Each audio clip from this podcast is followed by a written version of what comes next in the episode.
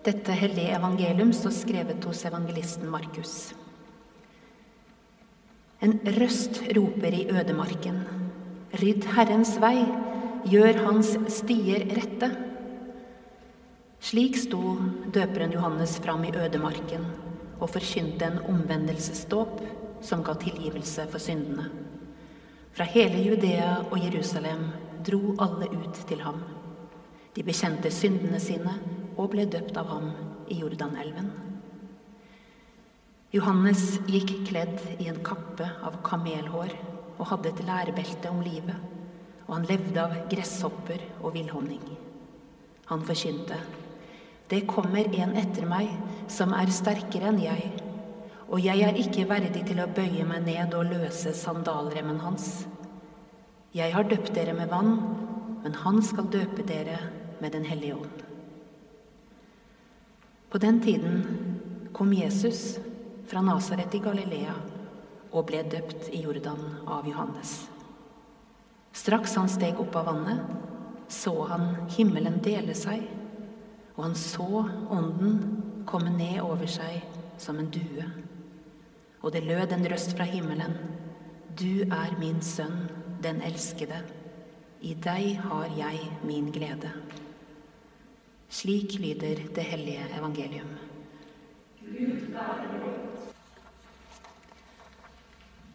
Her i domkirka, hvor jeg står nå, kan jeg se bort på et bilde av den fortellinga vi nå nettopp hørte. Jesu dåp, malt av Håkon Gullvåg, henger her i kirkens sørskip. Malt som utkast til alterbildet i kirken i Jordandalen. I midten står Jesus som blir overøst med vann. Fargene går i blått, himmelens og vannets farge. Men rundt er det en ramme i sterke rødtoner. Kjærlighetens og jordelivets farge. Der er det også malt inn små bilder av det som skulle bli fortsettelsen på Jesu liv, malt som et frampek. Kjærlighetens vei ble også korsets og lidelsens vei. Hvis du ønsker å se bildet, kan du gå inn på Domkirkens Facebook-sider. Det ble lagt ut i dag. La oss gå tilbake til hva som skjer der ved Jordanelva. Jordanelva er verdens mest lavtliggende elveløp. Den renner i en dyp dal, i en nedsunket del av jorda. Elva gjør området fruktbart i et ellers karrig landskap. Elver har til alle tider vært livgivende på ulike vis. Til Jordan kom mennesker for å få en ny start på livet, for å bli døpt av Johannes. De nådde på en måte sitt laveste punkt i seg sjøl. De hadde fått et ønske om å gjøre opp, og opp av vannet fikk de stige igjen til en ny begynnelse. Hit, til et av de laveste punkta på jordoverflata, er det også Jesus kommet denne dagen. Hvorfor måtte han dit, kan vi spørre. Trengte vel Jesus omvendelsesdåp som sann Gud? Men som sant menneske kjente han kanskje også på ønsket om å hente styrken som ligger i et rituale, i en tradisjon som knytta han til menneskene før ham. Kanskje kjente han også på ønsket om å bli gjenkjent og bekrefta fra han som hadde gått foran ham og rydda vei. Dette stedet, et bunnpunkt på jorda, blir et startpunkt. Et livgivende startpunkt for Jesus sitt virke på jorda. Guds ånd stiger ned, og han bekreftes som Guds sønn og overøses av ord om kjærlighet. Det var som om det måtte starte her, helt i det laveste, for å tydeliggjøre inkarnasjonens mysterium. Gud måtte helt ned for å vise kjærlighet til menneskene. Helt ned til det aller laveste i oss. Til vår redsel for å bli avslørt. Til vår skam og vår trang til å gjemme oss. Helt ned til vår selvrettferdighet. Helt ned dit, for at det ikke skulle være tvil. Alt er favna. Og mellom vannet og Guds kjærlighet er det noen likheter, minner lyrikeren Arnold Eidslott oss om i et av sine dikt. Guds kjærlighet er som vannet. Det samles alltid i det laveste. Og jeg har tenkt på hvordan denne fortellinga om Jesu dåp kan møte oss der hvor vi er i dag. Vi er på ulike steder, åpenbart. Men jeg tror det er mange som har opplevd dette årets startpunkt som et bunnpunkt. Noen kjenner seg på sitt aller laveste. For de stedene vi vanligvis oppsøker, livgivende steder, som både anerkjenner og bekrefter oss, som gir oss styrke til å ta fatt videre på hverdagene våre, er lukka ned. Mange ønsker å oppsøke, oppsøke kirkene til gudstjeneste, men som følge av for store begrensninger kan ikke åpne gudstjenester feires, og vi må begrense tilbudet, akkurat som spisesteder, teater og konsertsaler, steder som gir styrke, sang og livsglede. En del lengter i sin tro, håp og kjærlighet, kanskje etter noe synlig og hørbart, slik som der ved Jordanelva, at himmelen kunne åpne seg og ånden og kjærligheten kunne ses og høres. Og i den siste uka har mange blitt opprørt over hvordan rettferdighet møter motstand. Mange kjenner at de kan miste troen på menneskeheten over å se bilder på hvordan verdier vi vil bygge vårt samfunn på, stormes og hånes. Og vi blir minnet om hvor lavt menneskene kan gå i sitt ønske om å oppnå ære og makt. Uansett hvordan vårt startpunkt på dette året erfares, så har vi til felles at vi ikke vet hvordan fortsettelsen blir. Vi vet ikke hva som ligger foran.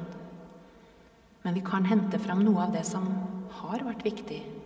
Hente og holde fram for at det kan gi livsstyrke også i fortsettelsen. Det kan være livgivende steder vi har vært på, eller mennesker som har gått foran, som har rydda veien for at vi kunne komme dit vi er. Kanskje vi skal spørre fram slike fortellinger og minner hos hverandre, slik at de kan avgi livskrefter på nytt, som en kilde vi kan øse glede fra. Hvem så din styrke og trodde på det? Hvem var den første som hørte din sang? Hvem forma ditt håp? formødre, venner. Det er mange som har beredt grunnen, og som har gjort at vi har blitt den vi er. Tatt imot oss og gitt oss vekstvilkår.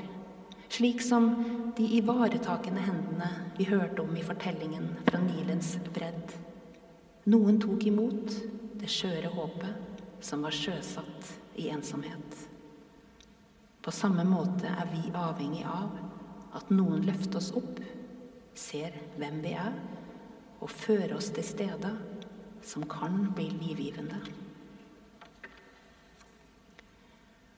For noen år tilbake gjennomførte vi samtalegruppa her i Domkirka. Og vi har håp om at vi snart kan gjøre det igjen. Invitere til samtaler om tro og liv, enten en har lang erfaring med å snakke om tro, eller gjør det for første gang.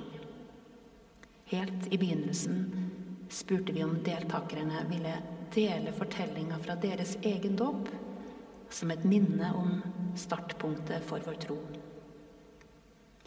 De fleste var døpt da de var barn eller unge, men fortellingene var overlevert i slekta som et minne. Og slik kunne de deles, vakre og viktige beskrivelser om kirke, tilhørighet og familie. Dåpspåminnelse har en lang tradisjon i kirka. Det er en del av kirkens liturgier, som på påskenatt. I dag, i starten av åpenbaringstida, i inngangen til et nytt år, innrammet av fortellingen om Jesu dåp, tenker jeg det også er en god anledning å minnes vår egen dåpsfortelling. Hvilken kirke ble du døpt i? Når på året var det? Hvem var faddere? Hvem var til stede? Dåpen er fortellingen om at noen løftet oss fram og bar oss. Tok oss med til et styrkende rituale, til en tradisjon som knyttet oss til menneskene før oss. Som minner oss om at startpunktet for vår tro og vårt liv er vår Gud. Og som alltid vil ta imot med sine ivaretakende hender. Som minner oss om at alt som ble gitt oss den gangen, korstegnet, Guds barn-tittelen, tilhørigheten, ånden, alt vil følge oss. I en tid med lite nærvær og tilgang til livgivende steder, hendelser og mennesker som styrker livshåpet vårt, når vi synes troen mangler synlige åpenbaringer, kan vi lene oss inntil at Guds kjærlighet, den som ble overøst oss i dåpen en gang, alltid vil finne oss. Både de dagene hvor vi er på vår aller, aller laveste, og de dagene vi synes vi kan fly lik en due. Vi kan også gjøre orda til våre.